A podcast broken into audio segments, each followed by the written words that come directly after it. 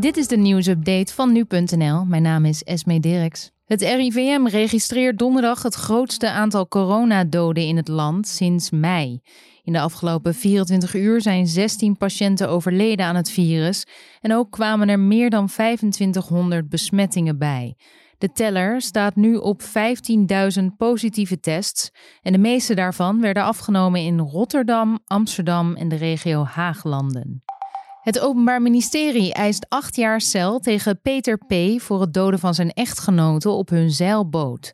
Ze waren in september 2015 voor anker gegaan voor de kust van Colombia en daar werd de vrouw doodgevonden.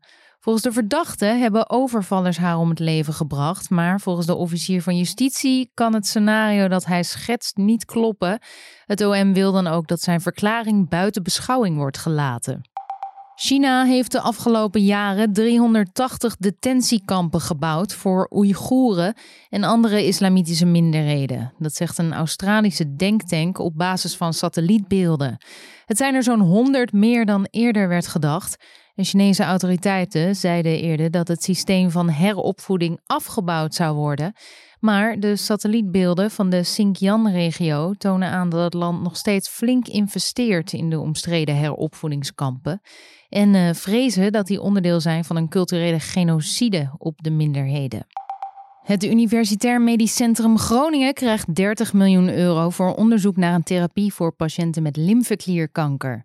Zo'n 1700 Nederlanders lijden daaraan.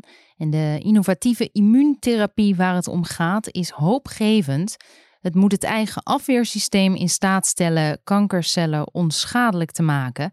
En nu moeten daarvoor speciale cellen uit de Verenigde Staten komen, maar daardoor moeten patiënten te lang wachten. Met het geld kan daar verandering in komen. Het wintersportseizoen in Oostenrijk kan doorgaan, maar dan wel zonder après-ski. Dat heeft de Oostenrijkse bondskanselier bekendgemaakt. Het aantal positieve coronatests neemt de afgelopen weken gestaag toe in Oostenrijk. En après-skiën kan onveilige situaties opleveren. Er zijn ook nog andere maatregelen. In cafés en restaurants mag alleen aan tafel gegeten en gedronken worden. En dat dan tot 10 uur s avonds, want dan moeten de deuren sluiten. En daarnaast wordt het verplicht om in skigondels afstand te houden en een mondkapje te dragen. Dit was de nieuwsupdate van nu.nl.